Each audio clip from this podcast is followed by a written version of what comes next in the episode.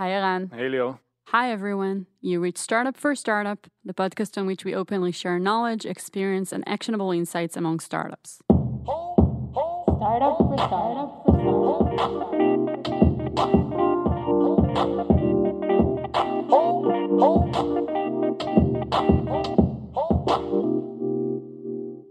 Founder investor relationships are usually discussed in a context of fundraising. What would be a good fund to raise from? How much money can a certain investor put? And whether there's an additional value to a certain partner over another. While these are all important questions, there is one crucial point that is hardly discussed founder investor relationship on the day after the investment is made. What is tomorrow like after you've agreed to begin a relationship with your investors today? What should a founder expect from an investor in terms of help, engagement, and general communication? Our guest today is Ken Fox, founder and managing partner at Stripes Group. Stripes is a private equity and venture capital firm based in Manhattan, uh, which led our last funding round of $50 million in May 2018. Welcome, Ken, and thanks for joining Eran and I today. Ron, thanks for having me. Leroy, thanks for having me.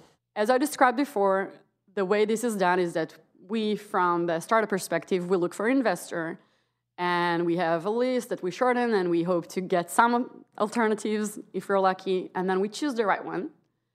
But how do we know it's the right one? What does it mean for an investor to be the right one? So the day after investment comes, and here you are sitting on our board. The first thing I want to ask you about, Ken, is what do you expect in terms of communications? Hopefully, prior to investing, you've established chemistry and there's cultural fit and there's mutual respect. And, and if you're in a company that's fortunate enough to be able to choose who your partners are, which a company like Monday clearly is, then that's at the top of the list because when you get the day after you close, you want to be in a position where you're looking forward to catching up with your investor. So that's um, really interesting. So you're saying here that chemistry is something founders should put attention on. Absolutely. Yeah, I mean you're going to be working together for for potentially a very long time and and the way just like the people that you work with every day, you want to feel good about those people. You want to respect them. You want to have people's opinions that you respect. You want to have people who hold themselves out in ways that you respect. And it's a reflection of your brand, who you choose to partner with. And again, going back to the communications question, so what do you expect? Is it a daily interaction? No. Is it? no. no. Listen, we don't run companies. We're investors. And the mindset at Stripes and the way that I founded the firm on this principle and everyone at Stripes uh, moves along the same lines is we're of service. And so our mindset here is, you know, we're minority investors in Monday. And our mindset is how do we be a resource and how do we be of service uh, to and Roy and the team so that execution gets easier. And we have a set of resources and I've got experiences that are hopefully relevant. And the idea is that the entrepreneurs that we work with feel like they've invested their equity with us and they should get a return on that equity. And we're investing our money with them and we want a return on, on our money. And our expectations for our returns are very high. And we think that the entrepreneurs we work with should have very high expectations on what their returns are and working with us. Listen, if you're raising money and it's a grind and you have a vision and other people don't share your vision yet, that's also very powerful. And you may not have the luxury of picking who you want. You may just Money is yeah. green, and I'm going to take that money and I'm going to get going. But when you get that to a place where you have the traction, or if you have a concept that's resonating in the marketplace, then you, and you have the ability to choose, then you should think about what criteria you're looking for in a board member and investor that goes well beyond the term sheet you get. In, in this investment, we did have an option to choose, and I remember um, Roy and I having this conversation of how should we prioritize, how should we choose, and I would say the number one parameter was the relationship, uh, the chemistry with the investor, thinking about it the, the day after the investment, not optimizing for a valuation, because we had a chance to get a high valuation. But I feel that choosing the right partner uh, creates more value to the company and help you create a better company. Uh, so I think this is like the most important parameter. Many founders just don't know what to expect. They don't know what's the right and what's the wrong thing to do. Should they be texting their investors? Should they be emailing them? Should they speak only over the board meeting? How much to tell them? Are you telling everything? Is there such a thing as telling too much? Ken, you're yeah. smiling here. This, this is something I, people I, can see. I think, I think it's, I don't think there's a uniform answer to these questions. Right. I think that you know you need to be. I think as an entrepreneur, you need to be aware of a lot of different things. Um, and I think you do. Listen, you want to use your board. You want to use your investors um, in ways to help you make better decisions, and you want them. And you also want them to believe in you. And so, you know, How do you achieve that? and so I think that A, you execute, right? I mean, listen, at the end of the day, this is a results business, and the results are what's going to dri- drive the relationship over a long period of time. But I think, listen, so to your question, to your earlier question, zeroing on the exact question, I think that everybody has a different style, and, and, and I think you should, you should just work with your style. So if you're comfortable texting, text works great. You know, if you want to, if, if you want to set up a regular rhythm of calls, you know, if you want to do a monthly check-in, that works well. You know, Monday we do quarterly board meetings, but we certainly talk to the guys, you know, and more than once a month for sure. Um, you know, when there are strategic issues that these guys want to bounce off us, we're available anytime as a sounding board uh, to do that. How do you communicate on with our board? Yeah, so you know it's our philosophy, but um, you, we as a company we're very transparent to everybody inside the company. Uh, we got dashboards all around. Uh, we got Big Brain, which is basically all of our information is available to everybody in the company. So um, Roy and I made a conscious decision, I think a few years back, that we want to treat the board in kind of the same way. Um, so one of the things that we've done, which I feel is kind of unusual, is uh, we keep the Can can tell us in a minute yeah, yeah, it's can, can have a broader perspective. it's you.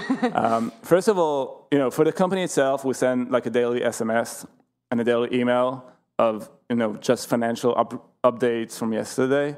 And we, we made a decision that if it's something we're going to send everybody in the company, we're going to send it to every one of our board members. Now, this is not an easy decision to make. I mean, now it looks cool, but back in the days, remember that you know we would get phone calls, people asking, "Oh, I saw yesterday the number." It was low numbers, right? But every SMS triggered like a question. And and as an entrepreneur, it might it might be easier for you to say, you know, I'm gonna meet the board once a quarter. I'm gonna crunch the numbers. Everything will Create look. a narrative for them and Yeah. just keep on playing it. Yeah, I really, I, I'll tell you what. This is first of all, as a board, I love getting these SMSs. I mean, partially because it's so much fun, right? Like, and and listen, it's fun when you make when you when the chemistry's right and you invest in and the and and the business. It's a great investment, and you're all- you know you're you're kind of cruising along and you're getting results. It's really fun in general. So Monday's just fun. Uh, but getting, I love getting those daily reports. And I think one of the things that's interesting is if you think about what makes it hard, it's hard to be that accountable. So to provide that level of transparency, to make yourself that accountable to not only your employees but also your board, I think it I think it forces you to execute better. Like I had, you know, when you say it, that's what I think about at least is that wow, like you're naked, man. Like Yeah. you know, like it's all there. Yeah. And uh, that makes you perform it it may it raises the bar. And uh, you know, listen, it's already a tough bar to go out and be an entrepreneur and have a view and, and go try to execute against it. But to lay, leave yourself that exposed where you're transferring you know, daily data on your performance, that's an unbelievable measure to kind of hold yourself to.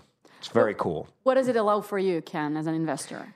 Oh, I, you know, it obviously keeps me totally informed. Um, and these guys are great, you know, so I'll text them and, you know, if, if a day's light, I'll text them. If a day's big, I'll text them, and you know, just to get a little color. And these guys can shoot back, you know, two, three sentences, and boom, I'm in. I'm, I'm informed, and that's great.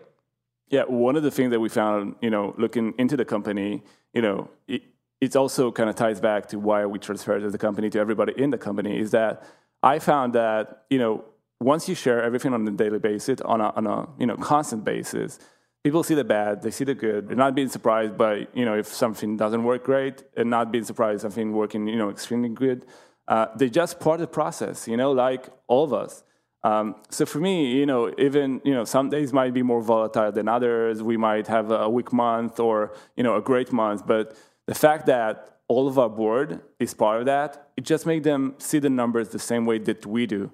And and for me, what's the most exciting part is I feel more calm knowing that you know we're all in the same boat. We see the same numbers. They experience the company the same way, the same way that we do. Uh, as opposed to you also the friction of having to deliver a message, you know, like if you have a bad day, Yeah, you don't and- have to start thinking about look. I, how to tell that. I love the fact that it's not only you, by the way. It, our other investors, they text me all the time. You know, it's what happened this day. This day was amazing. I saw you guys uh, reduce churn. I saw you guys increase new customers. But what happens on a bad day? And we do have bad oh, days. we have a bunch of techs on bad days as well. Uh, I think even Ken, like a few weeks ago, asked us, uh, you know, uh, I saw this week was weaker than the others. You know what? I, what I feel is that they kind of um, share what I feel on a daily basis, you know, instant feedback instead of like dragging something along, you know, waiting two months until the next board meeting just take it off your shoulders. You know, let's talk, quick SMSs or phone call, and that's it. You're done. You can move forward. That's it. So for me, it's less stressful. That takes a lot of courage. Like transparency in the company, but no way I'll take that back. Can I think also it might be helping you, like, help to increase your trust in in the founders? Could that be right? Yeah, for sure. I mean, to have that level of transparency, it's fantastic. I think that if you're an earlier stage investor or any stage investor, you have to value the process in addition to the results because you need to be able to make good decisions along the way and you want to be able to continue to back people and continue to invest with people and believe in them and I think that's the natural. I think that would be the. If you're an entrepreneur, that would be the catch twenty two that you might describe to somebody as well. Yeah, it's easy for you guys because you guys are killing it. You know, of course, you're showing your data to your, your investors. They love it. But you know, I'm struggling, so I, you know, I got to figure out how to manage that. And the truth of the matter is that there's only, you know, the, the best way to manage it is to be transparent, because then your investors are part of it with you, and they'll respect you for it. And you're much less likely to go sideways with your investor base because they see that you're dealing with stuff and you're not hiding things and managing things. And look, nobody likes to be managed you know, at the end of the day, in terms of expectations or anything like that, you want transparency. At the end of the day, as investors, we're in it with you guys. It's not a public company stock. Like I can't wake up tomorrow and sell my shares on Monday. I'm in this, and I want to be in it, right? And I want to be in it to see it through to the ultimate upside and outcome and everything else with these guys. And so, having a level of transparency is is is meaningful. I just want to complete the picture of how we communicate with the board. So we got a daily SMS, daily email that we send to all of our investors. Um, we have monthly updates. Uh, so basically, every month we send a summary of all the key metrics and updates from the company. So any new features we launch, uh, what's going on with marketing, ops, like all the general updates. Um, and uh, all of our investors have full access to BigBrain. So basically, BigBrain is our BI, the same system that we use internally for all of our analytics. It's available to all of our investors. And, and I know some of them log in on a daily basis. We get the daily Big Brain email too. Yeah, the daily Big Brain email. And we have uh, quarterly board meetings, uh, which we do every quarter, which we're going to talk about more, I guess. And uh, that's a lot of work. Well, the daily SMS is automatic. Big Brain is there anyway. Uh, monthly reports, I feel it's great. Like we also share this with the team. Um, yeah, I mean, I think that the reality of it is reporting that's coming to the board should be the same reporting you're using to run the company. And you can't manage a business if you don't measure it. So you have to have these metrics. And so the reality of it is, I don't think anything, like if there was no board, there's nothing that Eran is sending us that they wouldn't be doing anyway. Yeah. So the one thing we do invest more time preparing, I think, like everything you said, I agree with. The, the one time we do have to stop and work harder, I guess, is when we prepare the, the board presentation. And, and when I say we, it's really a we thing in Monday, and can talk about it more. And maybe this is a good uh, timing to connect back to the board we had yesterday and to generally what's the board's purpose? I mean, one might again argue that this is a lot of work for good or a bad reason. So, what are your thoughts on that? Well, I do, I do think that preparing board books and board material is a lot, it takes a lot of work. And it was 150 slides yesterday. Yeah, yeah, I think like 170 even. But I think yeah. it's uh, it's a lot of work. I mean, it, it just is. But I think I think that we've all had experiences like you know as investors we have that experience. You know, preparing investment memos, preparing uh, material for an investment committee, preparing material for our investors. You know, those times that make you stop and reflect and think about where you are, why you're here, and your path forward those are constructive times. Um, and so I actually think while it is a lot of work, it can be very productive uh, in terms of setting strategy and things like that. And at, and at the board level, the things that you want to talk about and things that you want to use your board for run the gamut. Like, you know, there's, there's obviously a natural legal role of the board as it relates to governance. There's and supporting leadership and making sure you have the right leadership. There is also, you know, depending on the makeup of the board, I think entrepreneurs use their board for all sorts of other sorts of resources to prioritize and get views on product development as it relates to market and market positioning, as it relates to you know long-term strategy, as it relates to kind of path towards creating value. There's all sorts of I think roles that a board plays as as, as a sounding board for management. You know, obviously every case is different, every company is different, uh, but I I don't feel that like the role of the board is uh, to make you know product decisions. Or, oh, I agree with that. No, I, or prioritize. Not, not, at all. I agree yeah. with that. No, it's much more strategic than that. It's more around landscape, competitive dynamics, things like that. Yeah. You know, board board doesn't run the company. Period. Yeah. Although I think that a lot of entrepreneurs kind of place themselves in that position where they bring up you know priorities about product or about you know should they go this direction or that direction strategically. I think it's a mistake. I feel a lot business of, models are many times discussed on a board level. yeah, maybe not in the growth stage. Yeah, right. I mean, I, I, think. Yeah, I mean, I, yeah, I mean, I think when I think about it, it's much more sounding board type stuff. So when I when I use the term sounding board, what I mean is, like for example, I think Eran Roy, the team, they've got a view, and it's very well thought out, and they've done a lot of work. And to the degree that the board could punch holes in it, that might be constructive I think you know, and it it rarely happens that way. I think you know, if companies are really well run and doing well, they're tra- they're they're they're sharing a lot of information, they're sharing a lot of data, they're sharing their work and the direction. And a lot of times you're getting, you know, a lot of support from the board and enthusiasm, frankly. But, you know, every once in a while you might say, does that really make sense? Or you have a view on a competitor and you get better data from your board, for example, things like that. I think this links back directly to what we talked about fluid communication because again i'm trying to think about the fear you know i'm trying to understand and relate with the, founders and sometimes a board can become something that is you're trying to avoid and you're kind of you know uh, feeling stressed about this is probably when you're not hitting numbers and things are not going well but again if you create a uh, kind of dynamics where people know that before coming to your board it's not going to be surprising them that this might take off some of yeah, the stress. I, right? I, think if you get a board meeting and like this is the first time that your investors know, you know how much revenue you have, of if you had a good month or not, you're in a very bad position to start with, no matter what the results are. I feel that you should go to the board meeting that everybody on the board already knows the numbers and you can talk about the future as opposed to kind of talking about the past. I completely agree. I think in all in every situation I've been in where the company wasn't performing and the founder, CEO, the relationship with the board deteriorated, it was because they weren't transparent and because they were, you know, trying to solve problems and then deliver a solution as opposed to just sharing what's going on in the business. And it doesn't listen. The board's not going to run the company. The board's not going to yeah, solve what do you your do problems. This case? But well, I think that's a that's a unique situation where I think you put you put you, everybody ends up in a bad spot right? Because you lose trust as a result of that, right? Because if you go to a board meeting and there's a whole slew of surprises and there's a lack of transparency and, and the team is really defensive, then everybody's really in a bad place in that point. I think that when things don't go as planned and there's transparency, you're in it together. And everybody can have a certain level of ownership over it. And the, and the most important thing is there's trust and you can kind of work through issues and challenges together and and hopefully get to the other side to a great place. And you know, if you don't, at least you'll have done it in a way that everybody kind of maintains respect and trust with each other. listen, not everything's going to go right all the time. Oh, it's for a fact that it's not right. Statistically proven yeah, that exactly. it's not. exactly.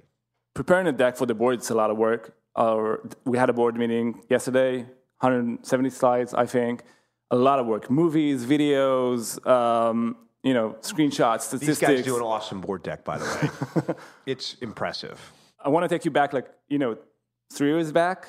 I remember working on a board deck and and thinking to myself, you know, why am I doing this? Like, why should I put like I get the board, you know, I want to create a deck, but I put a lot of effort into that.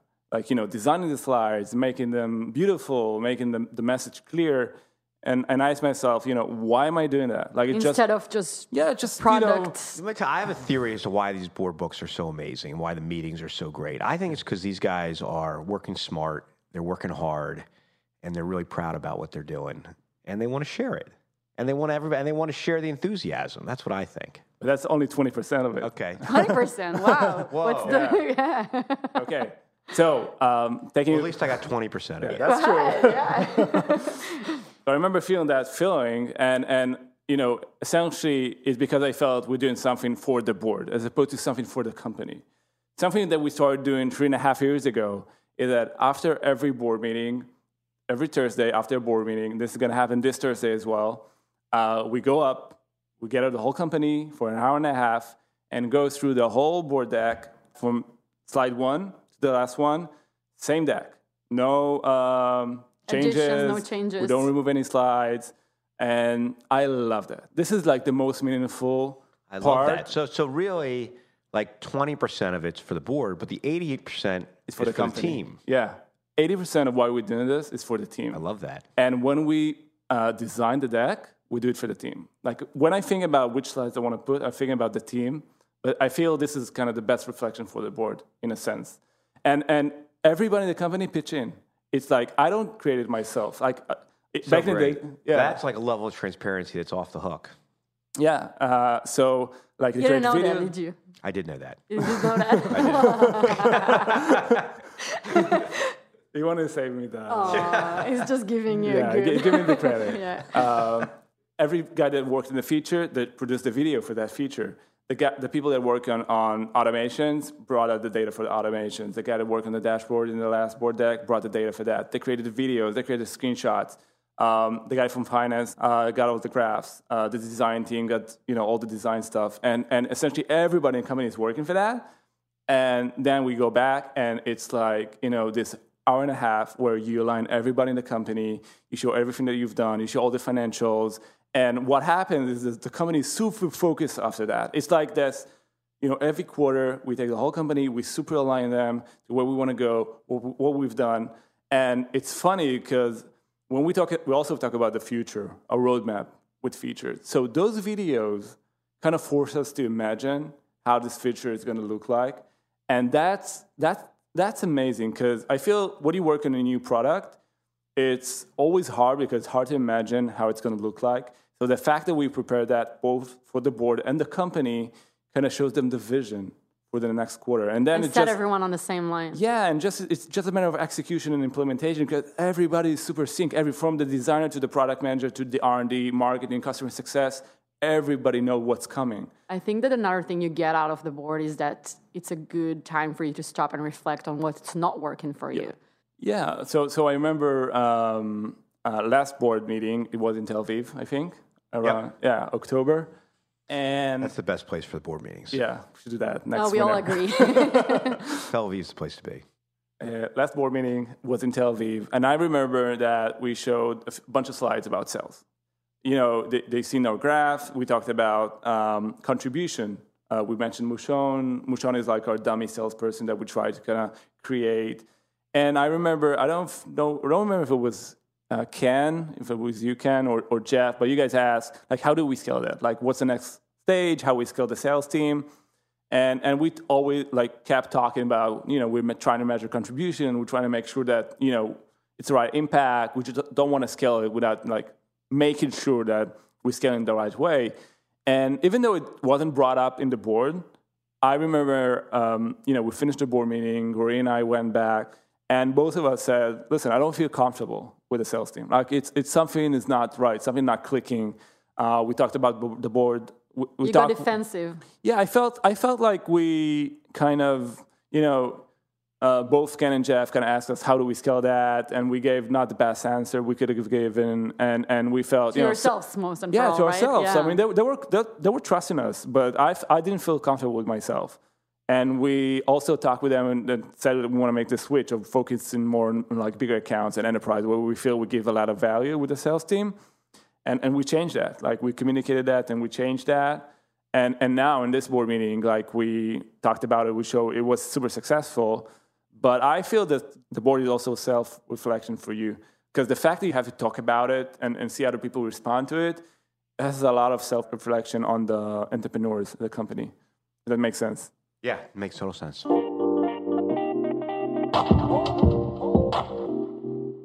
So another thing that is commonly asked is what's the role of our investors uh, with regards to the next investment?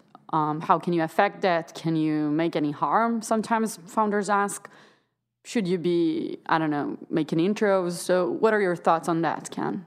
Well, I think one of the benefits of getting investors involved is is the network. So, as you think through raising an additional round, you think about who your lead's going to be. Certainly, introductions to those leads, character references on them. What do you mean? having a view on the people. So going back to this whole thing on culture and character, and you know, if they're going to be investors, you know, listen, we care a lot about Monday, and so we care a lot about who the shareholders here are, and we care about who the next investor is, and so we we have a lot at stake also, and we have a view because we're in the marketplace and we do business with these people and we hear stories about how they do business in other places and you want to that that can be very helpful and certainly just introductions you know to, to, to talk about how positive our experience has been here. And I'm calling you because I think this could be a great fit and a great opportunity for you. And these guys are looking for a new outside lead investor. That that's part of the role I think investors play. What if the company is doing fine, but you're not very happy with the founders? Talking again about transparency, Right. and you're not like having the best relationship you could have imagined. What do you do then? Well, I, I think it's a compl- that's a complicated situation. I think, listen, I think the nice thing about investors and founders is that we're all shareholders in the same company, and so hopefully, you know, you have an opportunity to make some good decisions and make that advances the progress of the company. I mean, that's the number one goal for everybody here is to see the company succeed. I do want to challenge the, um, you know, introducing new investors because I feel that you can't disconnect from the fact that you're talking from a position because basically you have equity in the company and you cannot introduce us to a new investor, but you know that investor understands that you know it's it's also for your benefit. Oh yeah, no doubt. Yeah. Well, listen, it's all a poker game, right? like you know, every step of the way, like everybody's playing poker, and so when an investor calls me and says, "Hey, we have an incredible investment. Would you like to go take a look at it?" Of course, I'm going to take a look at it, and I'll evaluate that investment on its own merits. Critically, yeah. Yeah, I'll Yeah. eval- you know, like I would any other investment. You know, it's that that's just kind of background noise. Did we get an introduction to Stripes through Insight, or was it a direct? No, one? no. We looked at this. We we had talked to these guys about the Series B round also, um, and Insight did. And Insight was super aggressive. And for us, it was pro- at the time it was probably a tilt early. I think we've learned. Frankly, we've learned from not investing in some of the earlier stage software businesses that What we've looked at. that? We've learned from we've learned from our mistakes there, frankly, because we've passed on things because we thought they were too early. And what we've done, based on our analysis, is come to the conclusion that those signals are actually you can really be more confident. those signals level. are worth following very closely. So, but yeah. So anyway, so we had known these guys Yeah, for probably a through a while. cold call. Uh, yeah. Yeah, I don't remember who approached who, but I remember meeting the Stripes guys. You know, like a few, even a year before we made the actual investment. But did it help or affect your decision at all that you knew one of the like because you've known Jeff for a while? Listen, it can't. It can only help, right? Because you know, listen, the more people that get behind the idea of working with us, the better.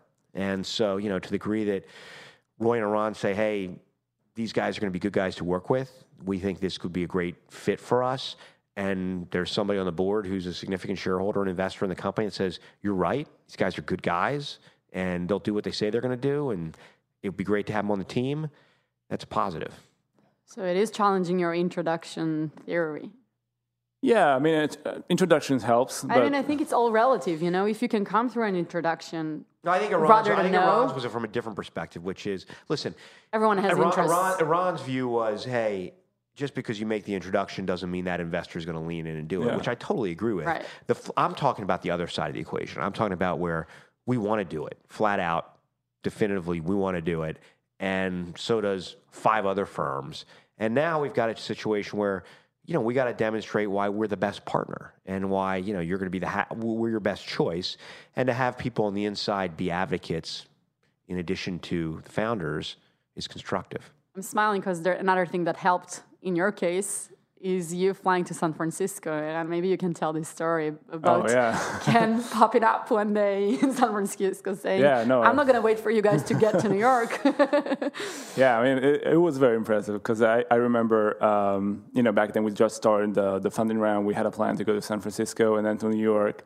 And um, I remember that Ken emailed us that we you're had an, a meeting planned for the very, very last yeah, part yeah. of it, right? Obviously, there's, there's uh, you know, this thing about who you meet first and who you meet last. But um, I remember that Ken kind of flew to San Francisco and met us, and, and we were really impressed, you know, talking to him. But I also remember Roy and I talking like, he's a winner. We this is you know, it's a perfect fit for us. Like, we'll do whatever it takes to be number one. Uh, and and I felt Ken is kind of the same chemistry of you know, you want to win, you want to be number one. so he's been proactive about yeah, it, not whatever it just sitting there takes. and waiting. Yeah. Yeah, do well, it. listen, I, you know, I love to hear that, obviously, and I'm totally flattered by it. So thank you. But I, I also think, listen, at the end of the day, it's really we play in a competitive world, and you got to be decisive. And and frankly, we really wanted to make this investment. Like we, I think Eran and Roy are really special. I think everything you're hearing on all these podcasts, and this one's a great example in terms of how they run the business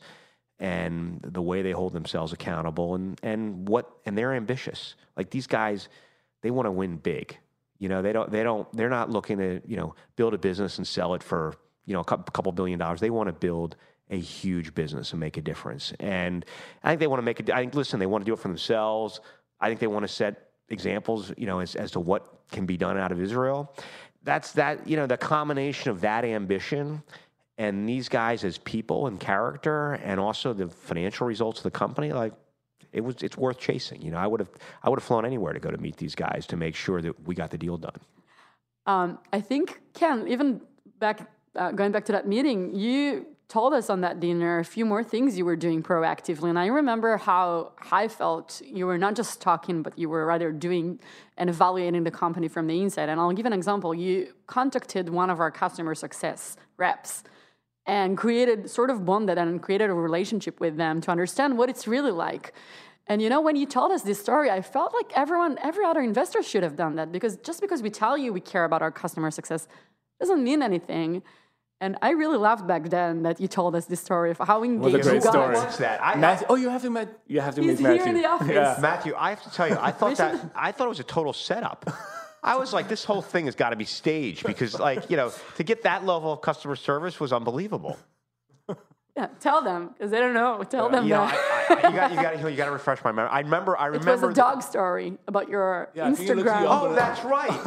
Oh, yes. Okay, so yes, so that's right. So, so I had, I had, so I don't remember what triggered the ticket, but I had some kind of a customer service issue or question that I was trying to do as I was working with the product, um, as we were eva- as we were you know evaluating the investment and courting these guys, and so I went through the normal process, and I figured that Matthew, who was who was the customer success representative who dealt with me, um, that it was a total setup. That these guys, you know, that I was somehow in the system as a VIP or something like that. That I was supposed to get all this special service.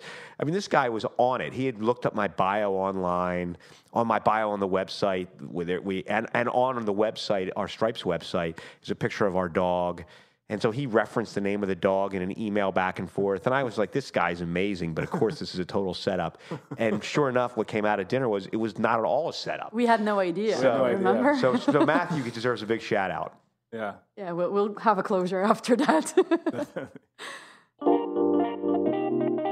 Ken, if there's any founder listening right now thinking about their future or current dynamics with their investors, is there any tip you want to give them, just a general one, uh, on top of everything you said? I think that Eran kind of sets a great example in terms of best practices on how to deal with investors. And I think it starts with transparency and with the idea that it's all going to be based on trust. And if you want to manage your way through the good times and also have fun, manage your way through the tough times and also have a lot of fun in the good times, every every every great relationship at any level starts with trust. And these are important relationships. Like, you know, you're you're gonna have you're going to go through challenging times and you're going to have things that don't meet expectations and you're also going to have a hopefully a hell of a lot of fun and so along the way if you have a relationship that starts in trust that's a great basis to start from and i think these guys set a great example in terms of how they do business and with the board that creates great relationships Yeah, I agree with Ken. I mean, eventually, you know, it's a marathon.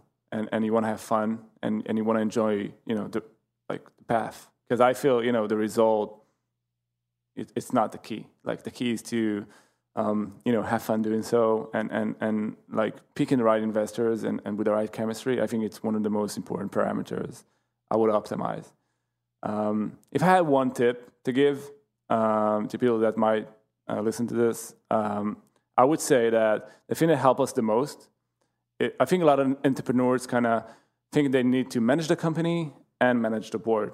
Where I feel separately, it, yeah, separately. It's like different dynamics, different people, different metrics, different way of telling the story. I feel we made our, our lives super easy, and I feel this is the right way to do it. To just treat both the same way. I feel that we communicate with the board and the company in the same way, same materials, same communication, same data, and I love it. You know, I don't need to kind of think about how, what I communicate to the company, what I communicate to the board, what I communicate to myself. It's all the same thing. So it just makes my life easier, and I feel it makes everybody's life. Um, you know, because we're in it together. So you as much communicate in the same way. Awesome. Thanks for having me on. That's very practical. Ken, thank you so much for joining us today. Thank you, Ken. Thank you, guys. Thank you, Eran. Thanks, Lior. Thanks for listening startup for oh, startup. I say shalom. Oh. no, I do want to say shalom. shalom. Oh,